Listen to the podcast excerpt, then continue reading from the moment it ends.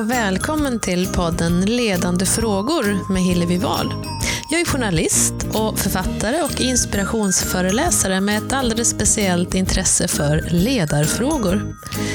I dagens avsnitt så får ni möta Kristina Stielli, älskad författare och föreläsningsproffs.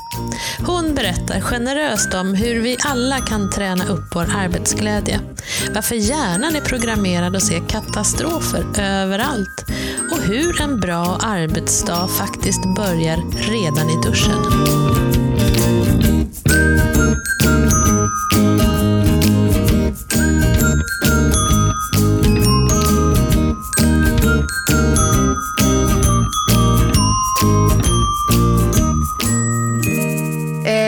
Jag tror inte att jag var en bra chef. Nej. Nej. Jag var eh, ung, det är då man tror att man kan allt. Och så hade jag ett jobb där jag eh, tappade bort mig själv. Det, eh, så att jag var chef, det var inte det som bidrog tror jag. Men jobbet i sig bidrog till att det var då som jag la grunden för att bli eh, sjuk i en utmattningsdepression i två år.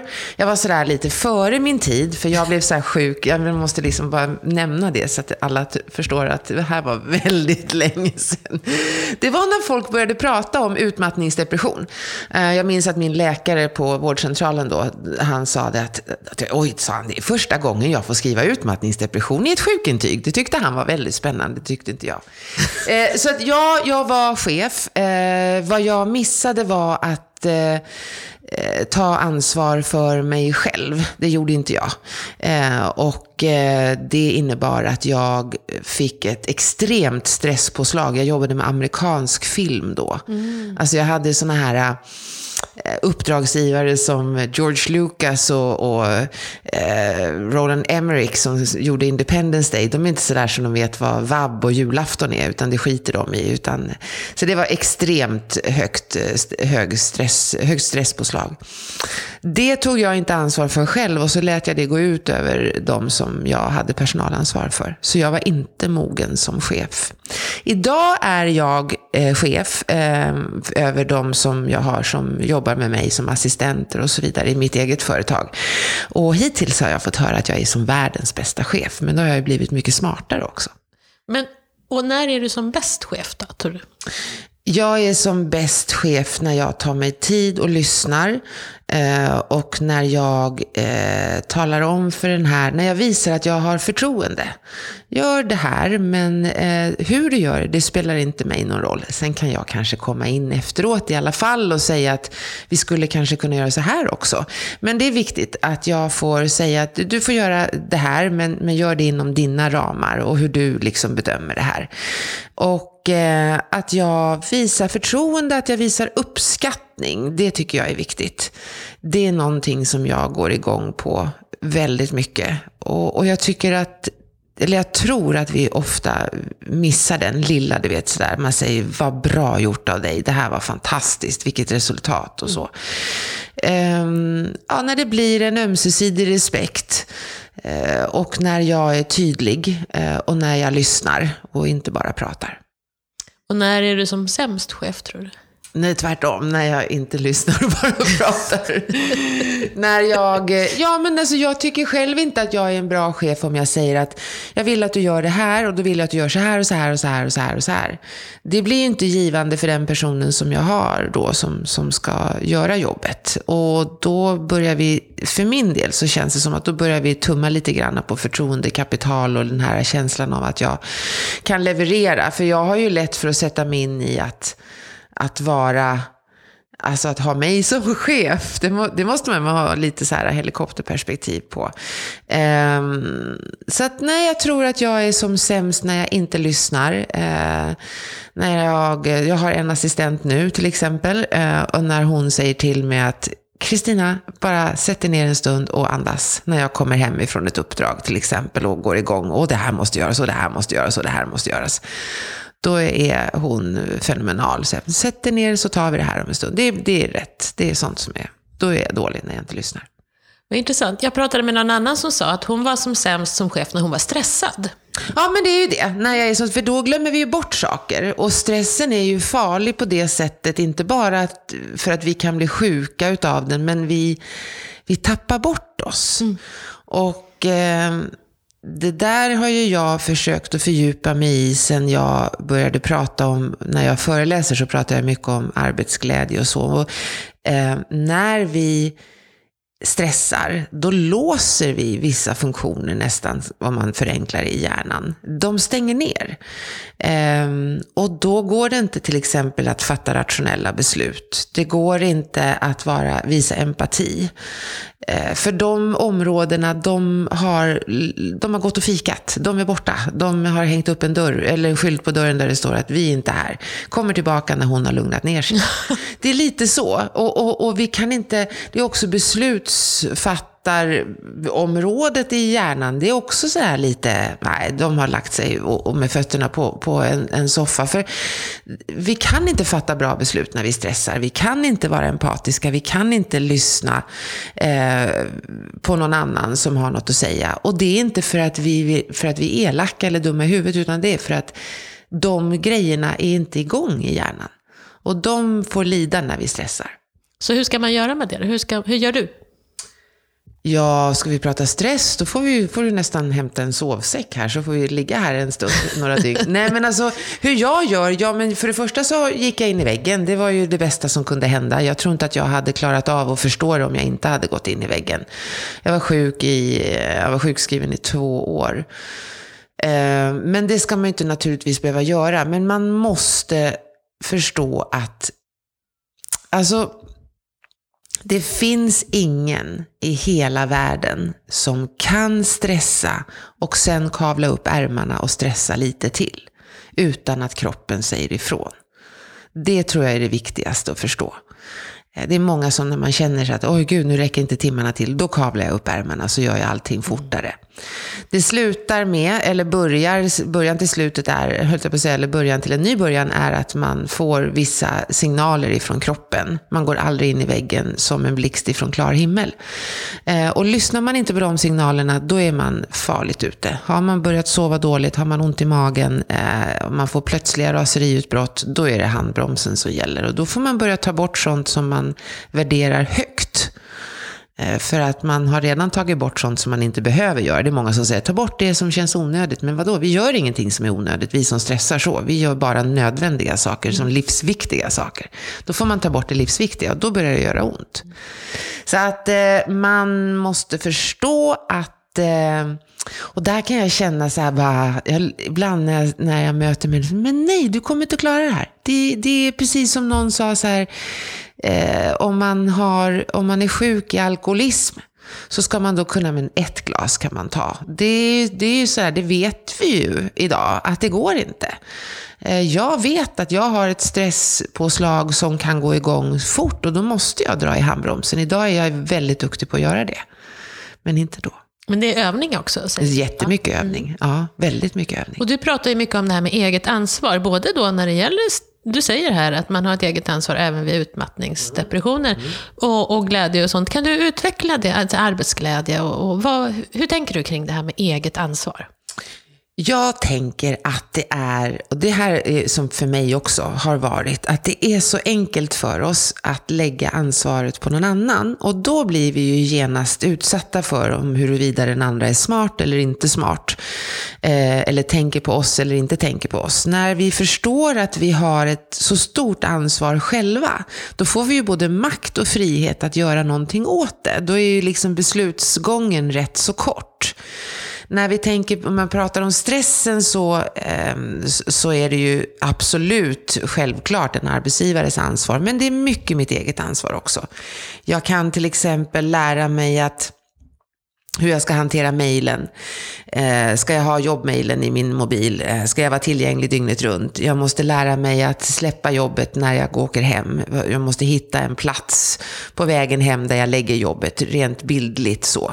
Måste jag ha alla aktiviteter för barnen? Barnen blir inte dumma i huvudet om de inte har tre aktiviteter per vecka per barn. Eh, mina barn tror inte jag minns så mycket av de aktiviteterna som jag körde runt dem på. Som en ordentlig mamma som trodde att barnen skulle bli dumma i huvudet livet och bli arbetslösa och hemlösa allting om de inte fick simma och jogga och, och, och dansa och spela teater. Men eh, nej, de eh, är inte riktigt sådär så de minns allt det där. Det gör vi bara oss en otjänst. Det egna ansvaret när det gäller arbetsglädje. Alltså arbetsglädje, man skulle vilja, eller jag vill ju gärna bryta ner det ordet, för vi ska ha glädje på jobbet. Mm. Eh, och vi, då måste man komma ihåg att jobb är jobbigt. Eh, det är därför det heter jobb. Eh, det är spännande, man kommer på det. Jaha, är det därför det heter jobb? Ja, jobb är jobbigt. Eh, det är så det ska vara. Mm, det är inte något konstigt. Vi kan inte förutsätta att jobb ska vara som en hobby. Det är något helt annat. Men jobb är jobbigt, men vi får betalt och vi, vi har ett syfte med vår liksom, närvaro på jobbet. Vi fyller en funktion. Eh, sen så kommer vi då till glädjen på jobbet. Vem ska se till så att jag är glad på jobbet? Mm. Det är självklart att arbetsgivaren måste se till så att du har alla de funktioner och, och, och, parametrar runt omkring dig som gör att du kan trivas. Man har arbetsplats och, och kollegor och ett samarbete och struktur och, och så. Men sen så skulle jag vilja säga att det kanske bara är 30 procent av den totala liksom, potentiella glädje yran på jobbet. Resten av glädjen måste jag ju ta ansvar för själv. Och, och, då måste vi backa ytterligare ett steg och komma fram till att glädje är en förmåga, inte en egenskap. Glädje är inte ett resultat av saker som händer i livet. Och då blir det ju genast väldigt spännande. Hur tänker du då? Nej, men det är inte det. Alltså glädje är inte, eh, det kan inte vara så, det är inte så att glädje är att det blir ett resultat av saker som jag gör i livet. Det är någonting som jag kan träna upp själv. Glädje är någonting som jag kan träna själv. Och det är det här som jag gick igång på när jag fick det klart för mig efter att jag hade kraschat. Jag vet, jag sa det till dig när du kom, att du var en av de första som recenserade min första roman. Och den är ju skriven utifrån eh, att jag eh, var med om en separation som var tuff. Och där hade jag hängt upp all min förmåga att vara glad hade jag hängt upp på att ha en kärnfamilj, att bo bra, att eh, vara älskad av en man eh, som hade barn tillsammans med mig. Den här, ja du vet, man, är ju liksom, man har ju tittat på Bullerbyn och, och allt det här när man var liten, så man vet ju precis att det ska sluta lyckligt och så, så gjorde det inte det. Och om det nu är så att vi inte har eh, det som vi har bestämt oss för att vi ska bli lyckliga för, ska vi då vara olyckliga? För du sa, jag såg något tv-inslag med dig där du sa så här, och då trodde jag att glädjen var att hitta en ny man. Ja, det trodde mm. jag. För det var ju vad jag hade bestämt skulle mm. vara det som gjorde mig lycklig, att ha en partner. Mm. Eh, och det var det ju absolut inte. Eh, och, och, det var då jag började läsa på och försöka förstå. Och det som jag tycker är spännande, det är ju att jag, tycker, jag ska ju bli forskare i nästa liv. Då. Mm. Eh, så här, jag har inte bestämt mig för inom vilket område, men någonstans. Jag tycker det är spännande.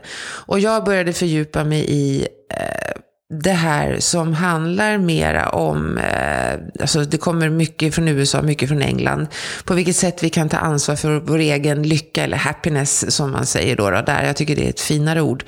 Eh, lycka och glädje kan vara lite så här, man tycker bara, men nej, gå och kräks på toaletten, ska vi hålla på och tänka positivt och så. Det ska vi inte. Det handlar inte om att tänka positivt. Det handlar om att ta ansvar för på vilket sätt jag kan ha ett positivt förhållningssätt och vara lite glad, fastän livet är lite stökigt. Eh, det här är eh, väldigt spännande när jag förstår att jag kan, alltså hjärnan som vi har och går runt med, den är ju inte särskilt kul, för den är ju negativt programmerad. Mm. Eh, den är, det viktigaste som hjärnan har att ta ansvar för, det är att vi ska överleva. Samtidigt så är den inte riktigt tillbaka, den är inte här, eh, utan den är ju liksom där vi låg på savannen med massa dinosaurier och vad fan det var. Eh, får man svära? Man kanske inte får svära här, men jag gjorde det. Förlåt. Eh, alltså den är ju kvar där borta. Och, och eh, den är inte uppdaterad. Alltså den senaste förändringen som man ser på hjärnan, det är ju, den gjordes ju för 40 000 år sedan. Eh, och, och om vi då tänker att den är satt där för att vi ska överleva och sen är det kvar där borta på savannen. Och sen är den satt att, över, att vi ska se till så att vi inte dör. Då måste den ju vara negativt programmerad. Alltså den måste ju se hemska saker i varenda hörn. Mm. Eller hur? Mm. För den måste ju se så att nej, det här kommer att gå åt skogen och det här är inget roligt. Nej, det här kan vi inte prova. Den här vägen kan vi inte ta. Det är ju så vi är programmerade. Och om man tittar på en defaulthjärna så är det det vi har. Den, eh, en defaulthjärna är också en sån som undviker hot, söker tryggheten, vill ha snabba kickar och sen vill den inte att vi ska röra på oss så mycket fysiskt. Det är därför vi har stegräknare. Det är ingen som så mäter hur många mil har du åkt i hissen? Ja, heja dig, mera hissar. Alltså, vi måste hjälpa hjärnan att förstå att det är bra nu, för det vet vi idag, att vi ska röra på oss. Men hjärnan tänker att nej, jag kan inte hålla på och röra mig för mycket, för att ikväll måste jag kanske springa till Kista och, och ha ihjäl en ko. Det är där vi är, för att jag måste ha mat till ikväll. Det är det som är så roligt, och för, när man förstår det här, då fattar man varför man inte har lust att gå ut och springa. Nej, det är för att jag måste ut och jaga ikväll. Och då blir det så paradoxalt löjligt. Då ser man verkligen på vilket sätt jag måste ta ansvar för den här klumpen som sitter här uppe. Snabba kickar är samma sak. Det är därför vi går igång på på sådana här bantningstips, löpsedlar bara, eh, gå ner tre kilo på fyra veckor med två enkla metoder. Man bara, ja, det vill jag lära mig. Man går, köper ju aldrig en löpsedel där det står, eh, gå ner ett kilo i månaden i sju år eh, med 300 enkla tips. Det ska vara snabbt så här och det är också någonting som kommer därifrån. Så att när man förstår det här med hjärnan, då förstår man också att den är negativt programmerad. Men du säger någonstans att en bra arbetsdag, eller en härlig arbetsdag, den börjar redan i duschen. Den börjar i duschen och det är det jag menar, då börjar det med mig själv. Mm. Och eh, då måste jag ta ansvar för mig själv.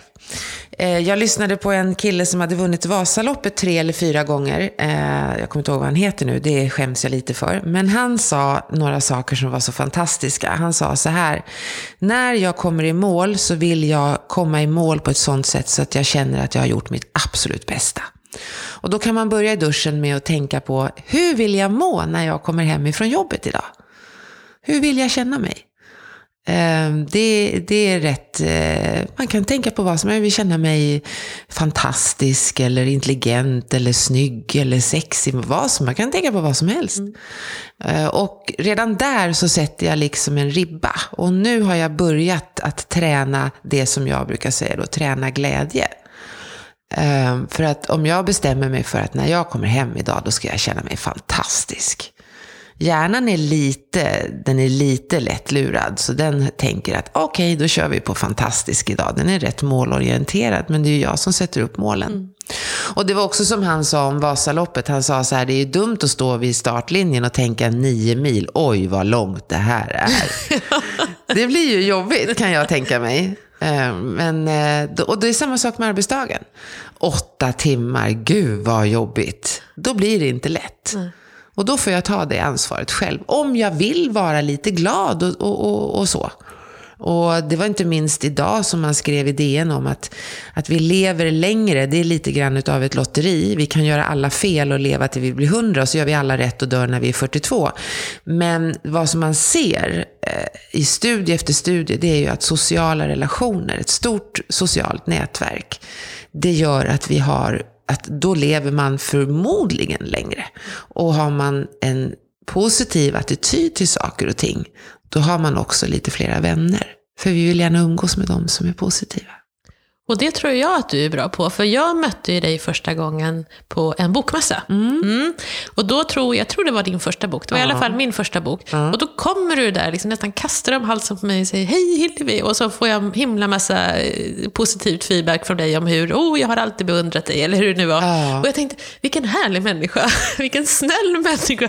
Och för det är ju en sån utsatt, när man är på bokmässan första gången som författare, mm. då är man ju inte särskilt kaxig alltså. Nej. Utan det är ju alla de andra som har varit där typ i hundra år och vet precis hur de ska göra och säga, gå mellan montrarna. Och, så det var, eh, ja då tänkte jag, ja det här är en härlig människa. Och har du alltid varit sån eller har du övat upp det också? Och då tänk, nu tänker jag också att man, man, kan ju faktiskt ta det här till arbetsplatsen. Ja, det att, kan man. Att man liksom, för vi tror att folk vet allt det där bra som vi tänker om dem. Eh, men det vet de ju nästan aldrig, för man måste ju kunna säga det också. Mm.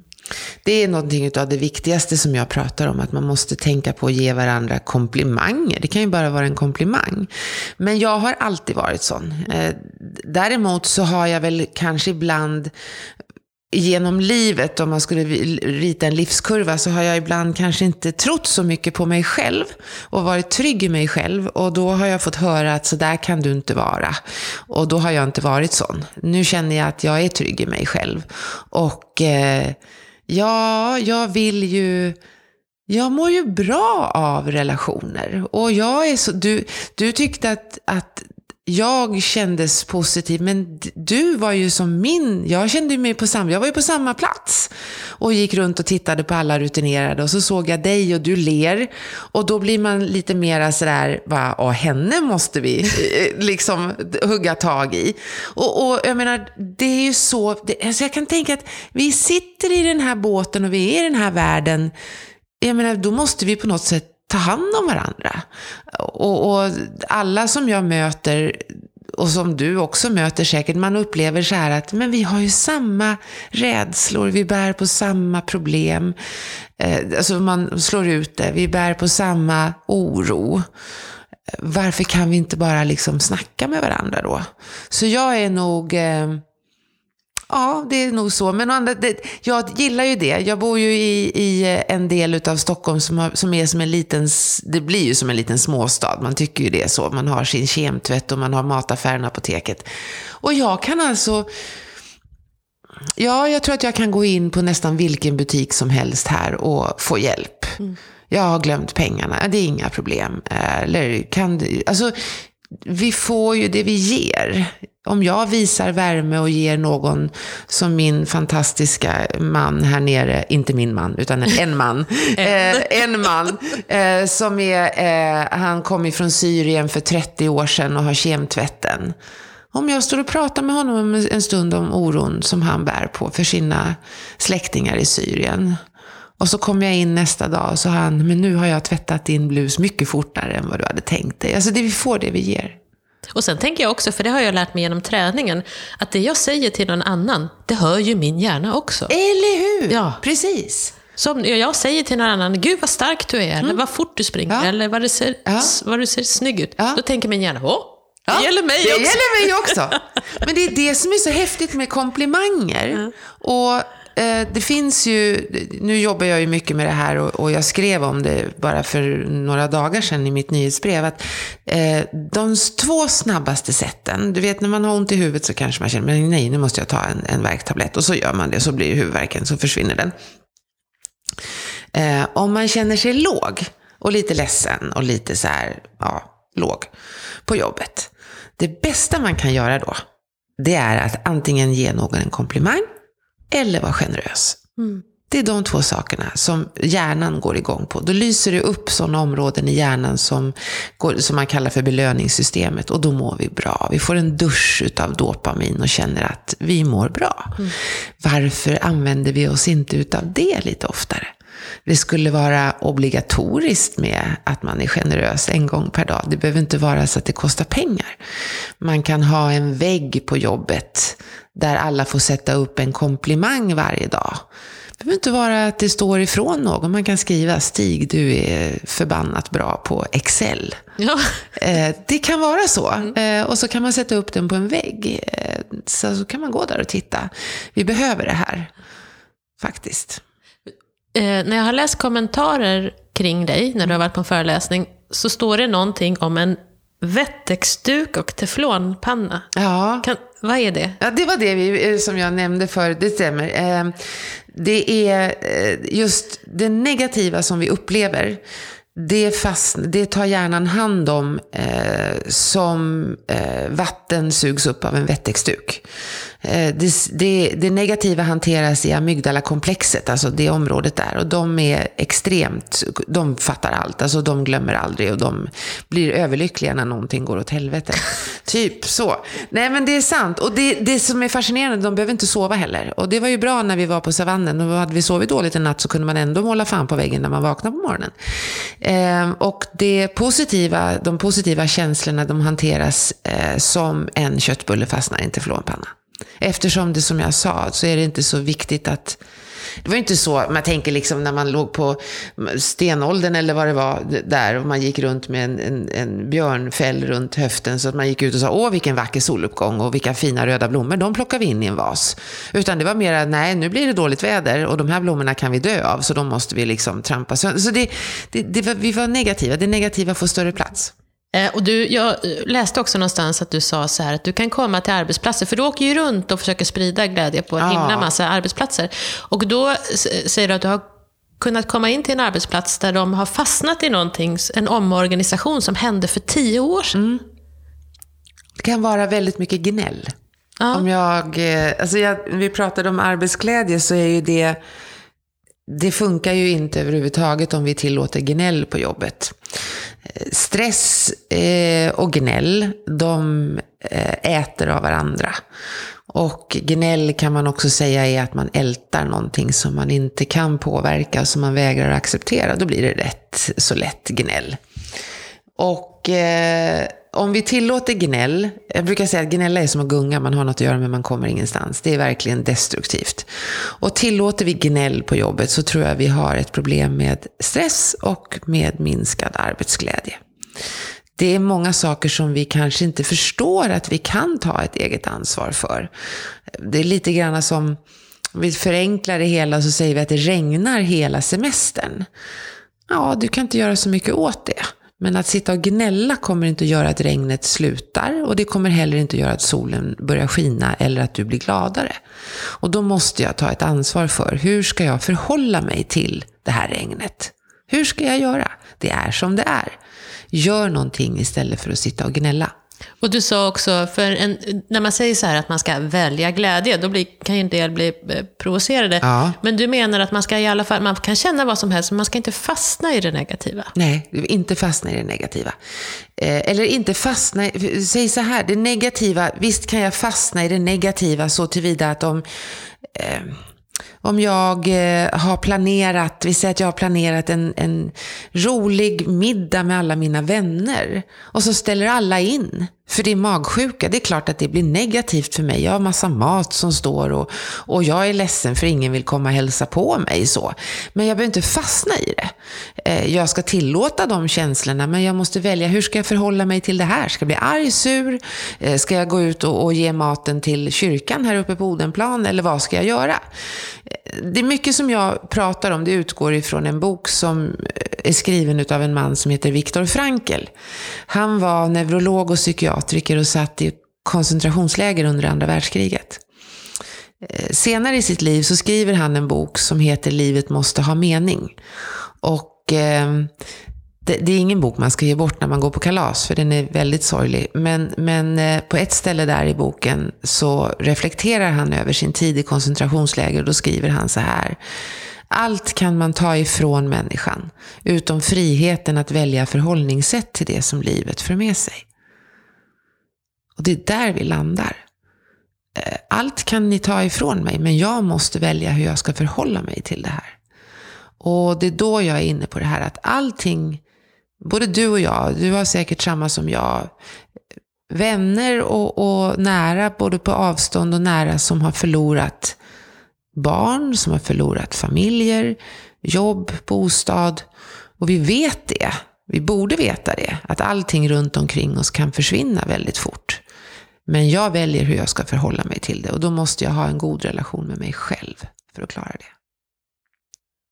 Jättefint. Du, jag tänker också en stor del av vår eh, våra liv numera ingår ju i sociala medier. Mm. Alltså, vi hänger rätt mycket där. Spännande. Både du och jag. Ja. Lite snabbt bara, ska vi ta, alltså hur, hur ska man tänka kring det? För, för, för det jag märker är att det kan ta väldigt mycket tid mm. och det kan ta väldigt mycket energi. Mm. mm. Jag, eh, jag var ju väldigt, jag var ju överallt eh, för en tid sedan. Nu har jag dragit ner på det och sen har jag eh, haft, alltså, hittat mina strategier. Och eh, om vi tittar på eh, Facebook, eh, där känner jag att där är jag med och liksom håller kontakten med folk. Eh, jag går inte in i diskussioner. Eh, det känner jag att jag inte har. Jag vill lägga energin på annat. Eh, sen använder jag ju Facebook i mitt arbete också. Sen har vi Instagram och Twitter. Men om vi klumpar ihop det lite grann och, och tittar lite grann på vad vi har för ansvar så skulle jag säga så här att eh, Eh, det är lika viktigt där som det är här att inte bara fokusera på det negativa. Och, utan att vi också kan lyfta fram det positiva. Eh, det är lika viktigt där som här att kunna ge varandra komplimanger och vara generös i tilltalet. Eh, det är lika viktigt där att inte gå, att, att reflektera över att det finns en skillnad mellan sak och person. Eh, om du till exempel skriver så här att eh, det är nyttigt att springa en mil eh, om dagen säger, säger vi att du tycker då. Så, så, då skulle jag gå in då, om jag inte lärde, om jag nu kände att nej det är det verkligen inte, man ska springa fem mil om dagen, säger vi. Då skulle jag gå in och säga, Hillevi, du är verkligen inte, du är verkligen inte intelligent som förstår. Alltså då går jag in på person. Istället för att fråga, Hillevi, hur tänker du nu? Det är väldigt få som, som, som går in. Och så man kan fråga, man kan ha en dialog. Man behöver inte hävda sin rätt hela tiden. Eh, vi har blivit väldigt noga med att sociala medier ska liksom vara min plats för att hävda min åsikt. Så att det goda samtalet som det verkligen finns förutsättningar för där, det försvinner lite grann tycker jag. Jag skulle önska mera utav det här, okej okay, jag ser någonting som någon har skrivit som jag tycker är alldeles uppåt väggarna. Istället för att säga till den personen att den personen är dum i huvudet så kan man fråga, hur tänker du nu? Förklara, så att jag förstår.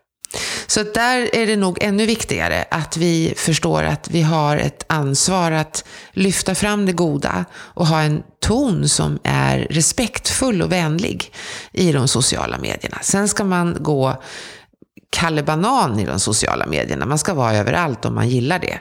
Och eh, det har ju jag varit och jag älskar det. Jag har ju vänner ifrån ja, säkert tio år tillbaka som jag började lära känna när vi hängde på Bloggy hette det väl kanske, eller Jaiko. Ja, det var usch vad gammalt det låter. Så det är en otrolig guldgruva, ja. det är det. Eh, en sista ganska självisk fråga. Eh, för jag har problem, jag tycker precis som du att det är jätteroligt att åka runt och prata med människor och, och föreläsa. Och ja, du är också ute ju. Ja, inte alls i den utsträckning som du är. Vi pratade om, du hade, hund, du hade nästan 200 hotellnätter per år. Ja, 200 ja. hotellnätter. Och jag har ju inga problem med själva föreläsningen och så, men jag börjar känna mig lite sliten mm. när det gäller av själva resandet. Mm. Och då blir jag nästan lite rädd inför att resa. För att du vet, då bygger jag upp den där rädslan innan. Och har du några lifehack-tips kring resandet. Hur får man det till att kännas lättare? Eh, för det första så bygger man ju inte, det, det, är precis som man säger, man får liksom gå in med en inställning. Alltså jag måste säga att jag planerar ju mina resor lite grann som jag gör med en semester. Mm. Eh, jag ska ner och jobba och jobbet är, det är liksom separat så, det är jobbet så. Sen så tänker jag på att jag brukar alltid boka ett hotellrum som känns bra. Så. Och sen när jag kommer till hotellrummet så kanske jag häller upp ett glas vin, sätter mig och tittar på en film. Ehm, jag brukar ofta beställa hotellrum med balkong eftersom jag inte har balkong här hemma. Så då öppnar jag altandörren. Ehm, jag trivs rätt bra med mig själv, lägger mig och läser en bok. Eh, jag äter aldrig frukost i frukostmatsalen utan jag tar alltid upp frukost till rummet. Jag reser alltid i mjukiskläder. Så att så fort jag kommer till hotellrummet så av med jobbkläderna så tar jag på mig mina mjuka kläder. Jag går ner och hämtar frukost i mjuka kläder och tofflor har jag alltid med mig. så att, eh, och jag bokar gärna hotellrum med badkar, för då ligger jag i badet, för jag har inget badkar själv. Och eh, alltid hotell om det finns ett gym. Så, och då, då gör jag så att jag eh, alltså kanske då om jag ska sova över så stressar jag inte upp nästa dag. Om jag inte måste. Så att då tar jag lite sovmorgon och så flyger jag vidare. Så jag tar det lugnt. Jag tillåter mig själv att slappa. Och det blir lite grann som en semester. Jag, för att jag bestämmer mig för det. Det som är värst är alla som vill på flygplanet på samma gång, för man tror ju att om man kommer först på så kommer man först fram. Men eh, allt det har jag nu botat med att köpa ett par eh, hörlurar som stänger ute allt ljud. Så jag bara sätter på mig hörlurarna och så sätter jag på dem, hör ingenting. Sen kan folk hålla på så mycket de vill. Jag, jag lyssnar alltid på vad flygvärdinnan säger ifall att vi ska krascha, för då måste jag veta hur man gör med flytvästen. Men, men annars så, eh, ja, det är ett, faktiskt ett, rätt, ett, ett rent nöje att resa när man ser det som en liten semester. Det var jättebra tips. Ja, men det är Ja. Tack så hemskt mycket Kristina Steli. Tack själv. Eh, föreläsare, författare, glädjespridare framförallt. Tack, det känns bra.